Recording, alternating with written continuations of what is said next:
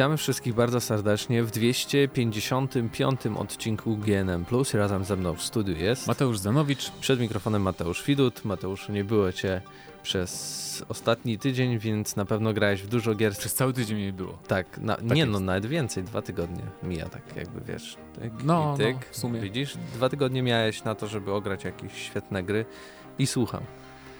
E, no dobra, to mogę tak szybko. Jeżeli macie, jeżeli gracie na PC i lubicie planszówki, to polecam, e, no czy może nie jakoś bardzo mocno, może poczekajcie na wyprzedaż, ale jest taka gra, która nazywa się Antihero i to jest e, tak naprawdę cyfrowa gra, gra planszowa w uniwersum, to jest po prostu wiktoriański Londyn i sterujemy złodziejem i gildią złodziei i rywalizujemy z innymi złodziejami i to jest bardzo takie angażujące i głównie stawione na online, więc sprawdźcie sobie, zapiszcie w notesikach Antihero Mm, grałem też w The End is Night, czyli nową grę Edmunda Macmillana, twórcy Super Meat Boya i Binding of Isaac.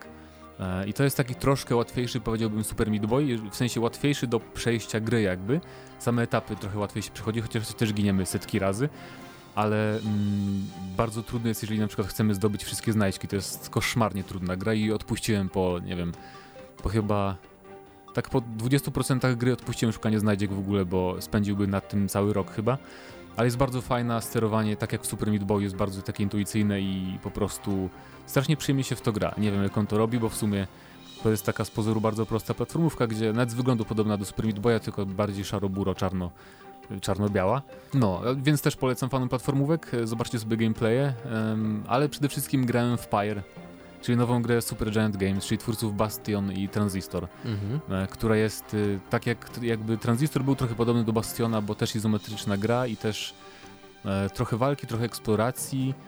Natomiast Pyre jest zupełnie czymś totalnie innym i to chyba też już jest oficjalnie moja ich ulubiona gra. A Bastion lubiłem bardzo, bardzo, bardzo mocno mi przypadł do gustu. A jest inna, bo? Jest inna, bo to jest w ogóle strasznie typowa gra i to mi się przede wszystkim w niej podoba. To jest połączenie takiego czegoś w stylu Choose Your Own Adventure, że mamy mapę świata i wybieramy kolejne jakby miejsca, do których się podążamy, jeździmy z ekipą naszą takim powozem e, i mamy też tam na tej mapie świata dialogi z towarzyszami, możemy podejmować różne wybory, na przykład właśnie którędy dotrzemy do celu i to wpływa na przykład na to, jakie są nasze relacje z towarzyszami, jakie tam przedmioty zdobywamy i tak dalej, i tak dalej. Natomiast zamiast walki jest tu coś w rodzaju e, piłki ręcznej, to jest bardzo trudno to opisać, bo to jest coś takiego, że to są rytuały i trzyosobowa drużyna walczy, rywalizuje z drugą drużyną o to, żeby, bo w ogóle kto tam przejdzie listem tych rytuałów, ten się może wydostać z czyśćca i wrócić do jakiegoś tam świata normalnego niby. To jest takie w ogóle pokręcone strasznie, ale bardzo fajne jest uniwersum. E, I to polega na tym, że na, na środku areny pojawia się e, też taka szklana kula i musisz ją przejąć i wrzucić do ogniska przeciwnika. Mhm. I sterujesz w czasie rzeczywistym jedną postacią i kiedy zmieniasz postać, to znaczy, są trzy postacie w drużynie, ale kierujesz jedną naraz. Więc trochę tak jak w FIFA, tylko nie ruszają się te pozostałe postacie, jeżeli ty nimi nie, nie kierujesz. E, I to jest strasznie wciągające i strasznie takie świeże. No po prostu nie grałem nigdy w nic podobnego i to jest, no, dzięki temu tak bardzo mi się to podoba, bo po prostu no i wygląda fenomenalnie i jest bardzo płynne i takie efektowne jednocześnie i no niezwykłe. No polecam obejrzeć jakiś gameplay jakikolwiek. Y, Pyre pisze się Pyre trochę jakoś ta gra bez echa przychodzi, a dziś już debiutuje, kiedy nagrywamy ten podcast, czyli we wtorek, czyli jak już słuchacie, to jest dostępna na Steamie i na PS4 za jakieś 70 zł można kupić, więc y, naprawdę, jeżeli lubiliście Bastion i Transistor, to w sumie nie jest wyznacznik, bo ta gra jest zupełnie inna, ale jeżeli lubicie nietypowe gry niezależne, to naprawdę polecam się zainteresować, bo jest moim zdaniem fenomenalna. Oprócz tego również grałeś w Destiny 2.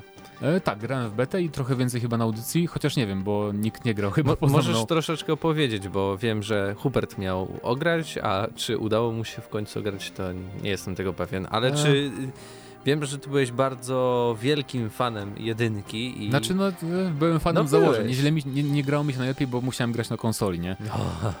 Ale no. ja A lubię, tym razem ja lubię, ja lubię tak zwane looter shootery, nie? Mhm. Że po prostu takie pseudo-MMO strzelanki. W sumie nie ma innych takich gier strzelanek pseudo-MMO oprócz Destiny. No przede wszystkim szkoda, że ta beta oferowała trochę mało zawartości, bo w porównaniu do bety pierwszego Destiny była strasznie okrojona bo w pierwszym Destiny w becie mieliśmy normalny region oddany do eksploracji, tu tego nie było. Tu mamy tylko pierwszą misję fabularną, e, w której, która jest tak naprawdę liniowa, jest bardzo efektowna, co prawda, i ona pokazuje, że o ile jakby sama jakość oprawy nie jest jakaś totalnie powalająco lepsza, e, to na pewno na ekranie więcej się dzieje w jednym momencie. Nie było takich aż efektownych scen, takich dynamicznych walk mm, w pierwszym Destiny powiedziałbym. Um, Ale byś powiedział, że to jest bardziej już na przykład historia i fabuła, która może zainteresować niż... Yy, znaczy tak, ogólnie, jeżeli, znaczy to jest tylko pierwsza misja, nie? No Więc no tak. jeżeli by porównywać sam początek, to pierwsza misja w Destiny podstawowym była bardzo nudna moim zdaniem i była taka strasznie na siłę samouczkowa.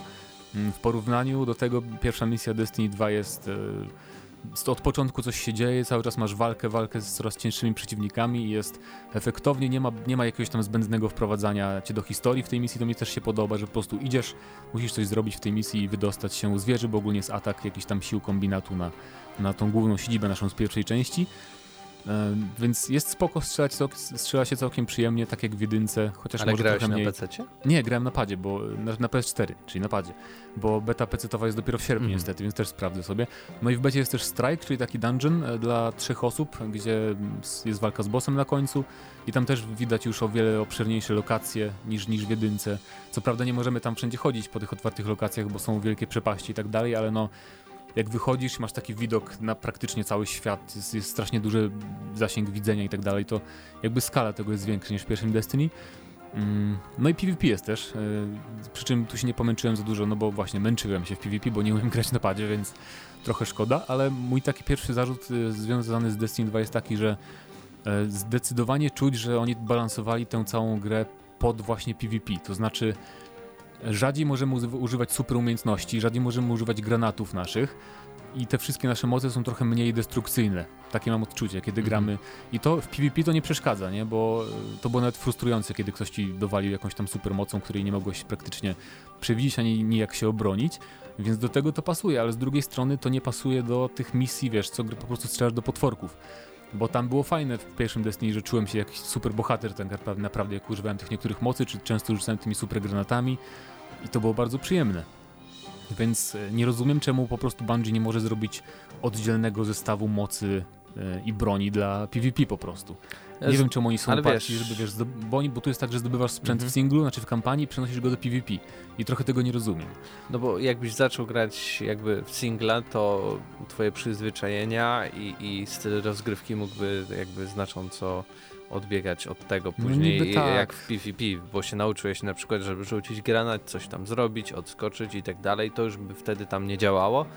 I jakbyś miał zupełnie, nie wiem, to by było trochę takie no ale z drugiej strony. Rozmazywałoby się. No rozumiem, strasznie. z jednej strony fakt, ale z drugiej strony tak jest praktycznie w każdym MMO, które znamy i jakoś ludziom to nie przeszkadza, nie? że... Albo też nie wiem, no w, w zwykłych Ale singlach. Taka... Inaczej na przykład grasz w mhm. Halo w singla, nie? A inaczej grasz w multi, gdzie to... Ale to jest też taka gra, w która, no okej, okay, mam tu singla, ale tak naprawdę on jest bardziej taki online, bym powiedział. To, no to, tak, to jest jakby tak, tak wszystko ale, strasznie ale mimo wszystko połączone. Troszkę, troszkę, znaczy to nie przeszkadza strasznie jakoś, bo to są, nie są aż tak ogromne zmiany, ale troszeczkę da się to odczuć, że jesteśmy mniej potężni w singlu, powiedzmy w tym cudzysłowie singlu. Pamiętajmy, że to beta, więc wiesz. No tak, tak, ale tu też chodzi o to na przykład, że Mogłem mieć shotguna jako broń drugorzędną e, i czy snajperkę. E, teraz nie mogę, bo te broni zostały przydzielone do takiej kategorii najpotężniejszych broni. I to też musieli zrobić przez PvP, nie? Bo w PvP było tak, że shotgunem mogłeś kogoś zabić jednym strzałem z za rogu, co się niektórym nie podobało, więc to zmienili. I to też jest taka zmiana, która wpłynie na przyjemność, bo ja na przykład bardzo lubię grać shotgunami i snajperkami, w, bo, bo na padzie się łatwo gra shotgunem, więc bardzo lubię grać w PvE tak zwanym e, tą bronią, a teraz nie będę mógł bo będzie miała, bo ogólnie te najpotężniejsze bronie mają tam po kilka sztuk amunicji tylko, więc oszczędzasz, oszczędzasz się na bossów zazwyczaj. Więc trochę szkoda, ale ogólnie strzela się przyjemnie. To jest tak naprawdę pod względem rozgrywki pierwszej Destiny, więc jeżeli się spodziewaliście rewolucji, to no niestety tego nie będzie. Grałem właśnie ze znajomymi w tego strajka i gra się bardzo fajnie, grupowo. Szkoda właśnie, że ta beta oferuje mało, bo już chyba dwa dni, czy tam wczoraj, no nieważne, w każdym razie jak beta trwała, to oni publikowali filmik, w którym pokazywali jakie będą nowości w aspekcie eksploracji planet, gdzie będą takie mini dungeony na, na planetach, y, gdzie będą jakieś super podziemia tam z jaskiniami, na końcu czeka boss i skrzynie ze skarbami, będą public eventy rozbudowane, jakieś tam w ogóle poboczne misje ciekawsze. Czemu tego nie ma w becie? To, to mnie interesuje, bo to było takie lepsze trochę PR-owo dla nich, wydaje mi się, no to już trudno nie chcą za dużo zdradzać, może dlatego. E, oprócz tego też grałeś z Platoon, e, recenzja e, na audycji, ale e, jakbyś miał powiedzieć, Czy coś się zmieniło od tego czasu, kiedy ogrywałeś jeszcze tą grę przed premierą? Czy coś cię zaskoczyło po prostu? Albo co, coś się pojawiło, Mm. czego się nie spodziewałeś? Czy jednak to jest Nie, to, co, nie. to, co widziałeś i, i pozostajesz przy podobnych w ogóle wnioskach, jeśli Pozostaję chodzi o Splat, przy- Splatoon 2? Przy podobnych wnioskach, czyli bardzo mi się podoba. Uważam, że jakby no, to jest bardzo bezpieczny sequel, tak jak już mówiłem wcześniej, ale kampania jest bardzo fajna, jest lepsza niż w jedynce, jest bardzo fajny tryb koopu, który Nintendo jest głupie i oczywiście ogranicza, że nie możesz grać cały czas w koop, bo nie, bo są tylko, wiesz, wyznaczone tam godziny, kiedy jest aktywny, co jest idiotyczne totalnie, bo znajomy właśnie pytał, czy gramy dziś o 20, wiesz, w koopa, Mhm. nie? Nie, sorry, bo nie mamy w domu, nie? Może zagramy jutro, nie, jutro nie jest aktywny, nie, super, po prostu Nintendo jest świetny, oni cały czas nie umieją w Kla multiplayery. klasyczne zagrywki No, Nintendo. ale, ale rozgrywka podstawowa jest tak bardzo przyjemna, że szczególnie z Pro Controllerem, bo kupiłem sobie niedawno ten taki specjalny kontroler. A jednak. Tak, e, i muszę przyznać, że gra mi się o wiele lepiej niż mi się grało na Wii U, tym takim. To już może na koniec naszych takich, w co ostatnio graliśmy, to ja grałem oczywiście e, w nadchodzące DLC, chociaż... To nie jest DLC. Naughty Dog, tak, nie, no oni mówili u nas jeszcze na, na naszym pokazie, bo byłem później, że to jest e, samodzielne DLC. No może. Standalone Znaczy, DLC. Dla mnie DLC to jest coś takiego, no bo to nawet nie pasuje do No, definicji, no nie, nie, bo to nie jest ani nie dodatek. nawiązuje do historii Uncharted pierwszego, ani jest taki nie... spin-off. No, taki spin-off. ale no. bezpiecznie- ale akcja dzieje się po, Hmm. po wydarzeniach z Uncharted 4, co chyba to nie było, a może było potwierdzone, ale ja nie wiedziałem w każdym Tak. razie. Dokładnie tak. No. I też E, ciekawe, bo nie wiem, czy o tym mówiliście w, waszym, waszych wrażeniach, będziecie mówić na audycji. Natomiast y, też nie wiedziałem, że jak kupicie sobie Zaginione Dziedzictwo, to będzie od razu tam multiplayer z czwórki cały. Mówimy to- o aha. tym, ale też To jest fajna rzecz. to jest bardzo fajna rzecz, że nie trzeba po prostu y, nie wiem, mieć to Uncharted 4, żeby zagrać. No, Znaczy z drugiej strony to trochę bezpieczne nazwanie tej gry jako taki dodatek, bo jakby mechanika wszystko, wszystko to jest, to bardzo, samo co tak. Jedyna Uncharted nowość w 4 gameplayu to jest tak naprawdę lockpicking, że możesz No tak. skrzynię otwierać. E, i podświetlania przeciwników, czego wcześniej też nie było, ale oprócz tego to jest wszystko to samo, tyle, że to jest inna historia i trochę inne lokacje, chociaż z drugiej strony to jednak nawiązuje do tego Podobno klimatu tak. No i też- Madagaskar, Indie. I też y, podobno całość ma być objętościowo taka duża jak pierwszy Uncharted. Ale coś nie chcę w to wierzyć. No, Znaczy wiesz, podejrzewam, że jakby połączyć lokacje z pierwszego Uncharted, bo one jednak były małe, nie? I włożyć je do tych dużych lokacji z dodatku, a, to no to chyba, że Bo tak. nie chodzi o długość pewnie, tylko wiesz, ogólnie, o, bo nam powiedział konkretnie, że chodzi o e, wielkość kontentu, nie? nie powiedział, że długość gry, tylko że właśnie w tej grze by się zmieściło pierwszy Uncharted. Ale strasznie nie chciał odpowiedzieć właśnie i nam na pytanie, ile, ile to zajmuje. no ale to nie? wiesz, trudno powiedzieć, nie? Bo jak ja byłem na tym pokazie, to nie zdążyłem tak naprawdę zrobić wszystkiego, bo ta lokacja jest taka duża, ja tam szukałem tych znajdziek dodatkowych, które są, się zastanawiałem, czy pójść do tej pierwszej wieży, czy do tych drugich ruin, więc to też wpływa na styl, na Ale to, ile też mieliście tak, że tylko dwie rzeczy możecie zrobić. No tak, bo tam była ta pierwsza rzecz i tak. potem miałeś dwa jakby cele i mogłeś tam wybrać, do którego idziesz. Do, do której z wież. Mhm, tak, tak, Najpierw tak. do głównej wieży, wieży a No, później te tak. trzy rzeczy. No. Więc chodzi mi o to, że sam ten fakt, że jest tyle otwartej przestrzeni wpływa na to, że niektórym to zajmie dwie godziny przejście tej lokacji, innym może trzy godziny, nie? Więc no zobaczymy. Y, Więcej jakby wrażeń y, na naszym YouTubie już się pojawił filmik, ale także jeśli chcecie możecie odsłuchać audycję. E, Tak więc może już przejdźmy y, do pierwszych informacji z ostatniego tygodnia, a zaczniemy może od Telltale Games, bo już pojawiały się plotki, że może tam Batman się pojawi czy coś. No i faktycznie Telltale Games y, zapowiedziało drugi sezon Batmana, drugi sezon The Wolf Among Us Jej. i czwarty sezon The Walking Dead. Bardzo chyba- się cieszę z The Wolf Among Us, bo w ogóle Właśnie. ja myślałem, że oni to porzucili, no bo pierwszy sezon ukazał się w 2013 roku, rozpoczął się. Więc no mijają 4, 3 lata od końcówki sezonu pierwszego, więc już porzuciłem nadzieję. Na szczęście bę- bę- będą produkować. Jeszcze nawet nie ma teasera, bo dopiero zaczynają pracę i pierwszy odcinek w ogóle się ukaże w przyszłym roku dopiero. E, Bardzo fajny jest podtytuł Batmana, The Enemy Within. Z czymś mi to się kojarzy. No, z taką grą. Capcomu. Właśnie, jakoś tak. No, ale w każdym razie Batman, e, pierwszy odcinek debiutuje drugiego sezonu już w sierpniu i jednym z przeciwników będzie e, Człowiek Zagadka, więc e, niby fajnie, nie wiem, jakoś mi, mi przypadł do gustu ten pierwszy Batman jakoś. Ja nawet chyba nie grałem. Jakoś ta gra w ogóle bokiem przeszła echem i, i nawet nie wiedziałem, że, że powstała. Może to dlatego, że Batman, ja już bardzo dobrze znam uniwersum Batmana i po prostu może nie, nie oczekuję, nie chce mi się po prostu poznawać kolejnych historii w tym uniwersum. Z, zupełnym przeciwieństwem to jest właśnie The Wolf Among Us, gdzie ja nie znam tych komiksów w ogóle, bo one raczej są niszowe, wydaje mi się, w Polsce szczególnie, więc fajnie było w ten świat się zagłębić, a tutaj no, Ale jeśli znowu dobrze, człowiek zagadka, znowu Joker pewnie. Jeśli dobrze czytam, to The Wolf Among Us drugi sezon dopiero w przyszłym roku, w drugiej połowie. No możliwe, no. No tak, tak, bo, bo, bo też w pierwszej połowie przyszłego roku będzie ostatni sezon The Walking A, no Dead tak. i potwierdzono też, że Clementine będzie mm, ponownie główną bohaterką, tak jak teraz było w The New Frontier. Ona była taką poboczną postacią, to oj spoiler, przeżyła The New Frontier. Ale to, nowe The Walking Dead też mi, się, też mi się nie podobało, nawet nie przemyczyłem do końca tego sezonu. Więc y, jedna pozytywna dla mnie wiadomość to właśnie, że będzie The Wolf Among Us. Może stwierdzili, że inne serie im nie idą i wrócą do tej, za którą ich najbardziej chwalili. No, To, możliwe. to im pomoże finansowo, na pewno.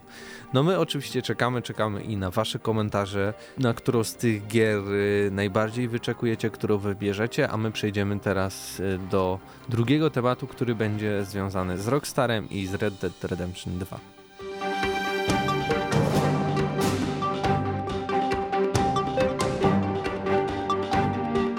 Okazuje się, że twórcy z Rockstara nie wierzą, że Red Dead Redemption 2 sprzeda się tak dobrze jak GTA 5. No i co w tym dziwnego bym Mnie powiedział. to nie dziwi absolutnie, bo tu konkretnie Take-Two powiedziało, tam prezes, że nie zamierzają w ogóle porównywać nawet RDR-a 2 do GTA 5.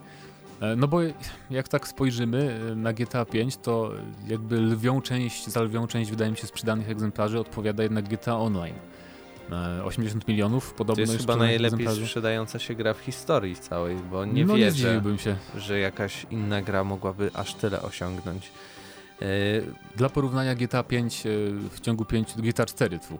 GTA 4 w ciągu 5 lat to 25 milionów, a GTA 5 od premiery już 80 milionów ponad. Tak, więc więc to szaleństwo jest absolutne. kolosalna różnica. Ciekawe było, nie, nie pamiętam jak się sprzedało RDR1, e, ale podejrzewam, że to nawet nie było, nie było 20 milionów chyba RDR-a jedynki. Więc e, jak ty będziesz tu sprawdzał na szybko, to ja też powiem, że e, w, tej, w tym wywiadzie właśnie, w którym Take-Two się wypowiadało na temat em, tego porównywania tych dwóch gier, padło też takie sformułowanie, że sukces, ten ogromny sukces GTA Online, tam, tam padło takie zdanie po angielsku, że transformed Rockstar Activities, więc jakby ten sukces GTA Online wpłynął i zmienił styl działania Rockstara i to mnie tak trochę zaniepokoiła ta wypowiedź, bo ona tak padła trochę, tam nie mówili wcale o grach jako usługach czy coś takiego, tylko po prostu takie zdanie padło. No i oczywiście to może oznaczać to, że nie wiem, że oj, teraz mają mniej czasu i dlatego na przykład przesunęliśmy premierę, ale ja się boję, że tu chodzi troszkę o to, że w tym RDR 2 bardzo istotny może być e, aspekt sieciowy, co by mnie troszkę E, Z jednej strony mnie to nie dziwi, bo Rockstar Znaczy nie, mnie też nie dziwi, nie? tylko troszkę mnie liczby. niepokoi. robiliśmy Mhm. online, mamy 80 milionów, nie robiliśmy online, mamy 25 milionów GTA. No, tak. No to co? Oni, no to oni, co zrobimy z Red Dead Redemption? Walić online do tej gry, e, sprzedamy będzie więcej hajsu, ale Sam dla nas fakt- jak graczy, Wiesz, no sam fakt. RDR 2 online spoko bym nie przeszkadzał, nie? Ale już wiemy na przykład, że, znaczy nie wiemy jeszcze, ale na, ty, na tym pierwszym trailerze było 7 czy tam 8 postaci, w logo też było tych postaci kilka, więc to jest jakby taka dla mnie sugestia, że no może tam będzie jakiś, właśnie chodzi o to, że gramy ze znajomymi jako jakiś gang, więc to już jest takie trochę niepokojące i oni też, oni też już pokazali, że są w stanie poświęcić fabułę dla online, bo przecież GTA 5 w założeniach miało otrzymać dodatek fabularny i to nie jest tak, że to były plotki, tylko samo Take-Two o tym mówiło, że są, są w planach dodatki fabularne do GTA 5, Zresztą też ale ich nie ma. nagrywali te, te jakieś motion capture i No tak właśnie, dalej, i tak dalej. oni już powi- powiedzieli, że nie mają planów w związku z GTA 5, jeżeli chodzi o fabularne DLC, bo całą swoją siłę przerobową Rockstar poświęca na GTA Online, więc to też jest niepokojące w związku z RDR 2, że może no nie wiem, no bo w sumie teoretycznie można by zrobić w grze Always Online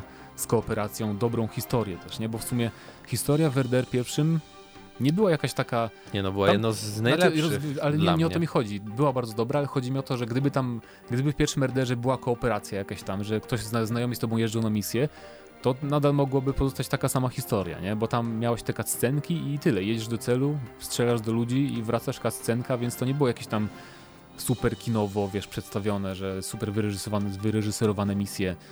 Więc to można by jakoś w sumie przepleść. Ja, ja, jakby Rockstar nigdy mnie nie zawiódł, nie zawiódł do tej pory, jeżeli chodzi o gry wideo. Chyba nie ma takiej gry Rockstara, która mi się nie podoba.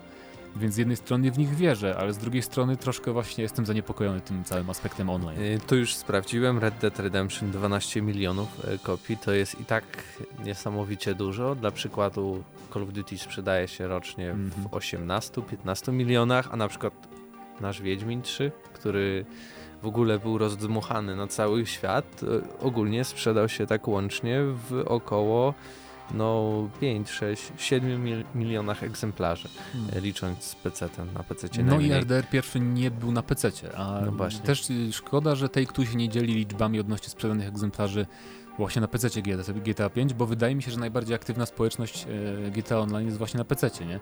Bo jednak tam, e, z tego co wiem, większość youtuberów, którzy tam zbijają kokosy na GTA Online, gra na PC. No tak, no tak bo dalej, i mody. tak dalej. Właśnie, znaczy mody akurat nie działają za bardzo w trybie, o tym nadgadaliśmy kiedyś. Ale chyba ludzie mają najwięcej znajomych na PC i najwygodniej się gra na PC, więc ciekawe, ciekaw jestem tych numerków odnośnie platform. No ale mniejsza o to. E, No, zobaczymy tak naprawdę, co Red Dead Redemption tutaj e, pokaże, co Ja mam nadzieję, że Rockstar jakoś- zapowie. Może na Games, chociaż nie będzie ich Nie, na no, Gamescomie, ale niestety. może jako wynagrodzenie, że ich nie będzie, dadzą jakiś tra trailer w końcu, bo mówili, że latem coś pokażą z RDR dwójki. Już jest sierpień się zaczyna, więc mam nadzieję, że w sierpniu coś zobaczymy z tego. Tak czy inaczej, chyba to jednak będzie po prostu taki zwiastun, który będzie totalnie kinowy i, i jednak... nie, ja już chcę taki, wiesz, no, Ale chyba mieliśmy nigdy nie było tak, że była pokazana misja przed premierą, na przykład z GTA czy coś. Tak. Nie, była, była, była, bo były dwa zwiastuny, takie trailery, tam muzyczka, tam dialogi i zawsze przed, przed premierą i też było przed RDR-em, taki przed GTA 5, że były takie zwiastuny, że ta narratorka taka, jakaś babka tam opowiada o grze i miałeś normalny gameplay, więc, Mhm. więc pokażą na pewno, o to się nie boję, więc to jest zawsze plus, że będziemy wiedzieć, z czym, z, będziemy wiedzieć, z czym będziemy mieć do czynienia. No dobrze, no to y, czekamy na wasze komentarze. Co sądzicie o, o takim zabiegu przerobienia na przykład Red Dead Redemption w takie e, pseudo-online, że to tak bym ujął. E, a my pozostając może w ogóle w takim... Dzisiaj cały odcinek Klimacie trochę online. online. E, porozmawiamy o Ubisoftie i o ich zamiarach, planach i, i temu, czym się przyglądają.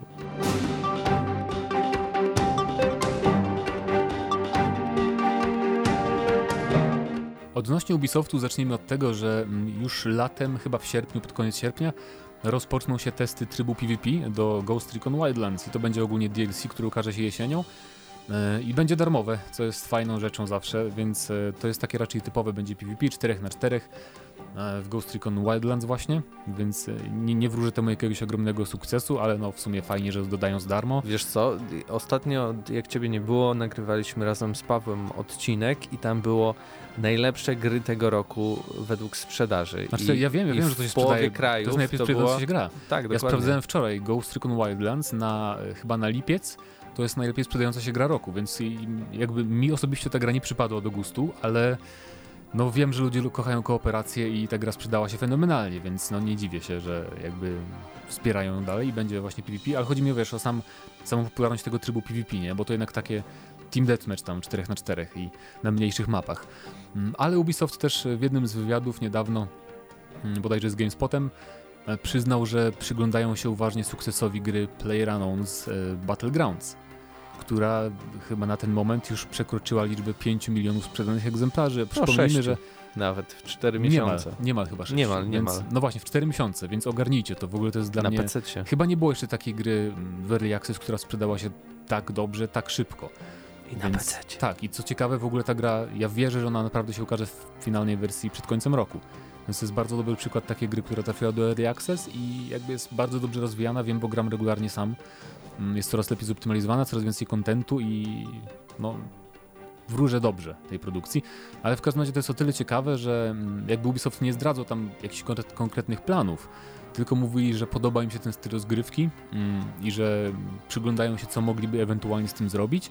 No i tu właśnie na myśl mi się jakby przysunęło, Przychodzi? przy, przyszło mi na myśl właśnie Wildlands, bo no tam mamy ogromną mapę, nie, na którą można by spokojnie, znaczy trochę trzeba było ją ograniczyć jednak, bo to sam, cała Boliwia w tej grze jest ogromna, ale zrobić z niej właśnie 8 km kwadratowych, tak jak jest w Battlegroundsach i dać 100 graczy, zrzucić ich z samolotu i tam bardzo ładnie by pasowała ta formuła rozgrywki, więc nie zdziwiłbym się, gdyby, gdyby takie właśnie DLC wprowadzili, nawet płatne, to sprzedawałoby się jak ciepłe bułeczki, wydaje mi się. Szczególnie, że mają tak dużą bazę odbiorców, nie? Skoro wsp- wspomnieliśmy, że ta gra sprzedała się jakoś w ogóle super, uber dobrze. Ale z drugiej strony też y, może nie wiem, czy to będzie dobry przykład, ale e, z tego, co było widać i słuchać już po zapowiedzi, e, a dokładnie chodzi mi, tą grę się ze świnią, Boże, Beyond Good and Beyond Evil Good and 2 e, ma być Oj. takim właśnie miszmaszem online. Znaczy to na pewno, tak, ale Możliwe, że mogą iść w tą stronę, widząc tak e, znaczy wielki to, sukces. to to swoją drogą, bo oni już powiedzieli jakiś czas temu, chyba w zeszłym roku jeszcze, że oni teraz będą stawiali na online ogólnie w grach i na gry jako usługi, to już widać po tym Skull Bones chociażby. No i tak naprawdę taką jedyn, jedyne ich gry singlowe to jest Assassin's, Assassin's Creed nowy i Far Cry 5. A wszystkie inne gry ich zapowiedziane to są jednak gry z jakimś tam aspektem online. Natomiast jeżeli chodzi o Play, PlayerUnknown's Battlegrounds, to tu chodzi konkretnie o ten rodzaj rozgrywki taki wiesz, że wszyscy, każdy na każdego, wszyscy walczą ze sobą na jakiejś tam ogromnej arenie i zostaje tylko jeden przy życiu i ten, kto zostaje jakby wygrywa.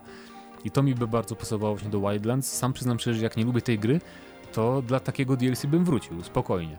Gdyby oczywiście nie zepsuli jej mikropłatnościami. Um, The Division też by pasowało, chociaż No tam nawet. już jest coś takiego. Tam e, też prowadzili takie DLC Survival w zeszłym roku, które też jest czymś właśnie takim połączeniem Daisy i Battle Royale.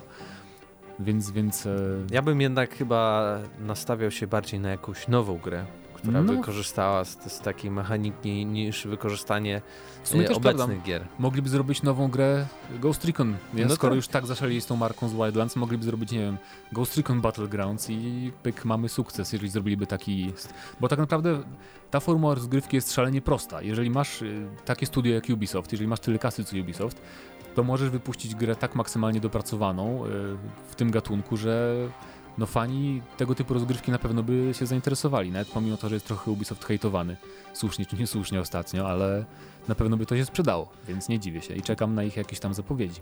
No dobrze, to i my mamy, ym, no i my y, mamy do was pytanie, czy, czy zainteresowałaby was taka w ogóle rozgrywka e, w świecie Ubisoftowych gier?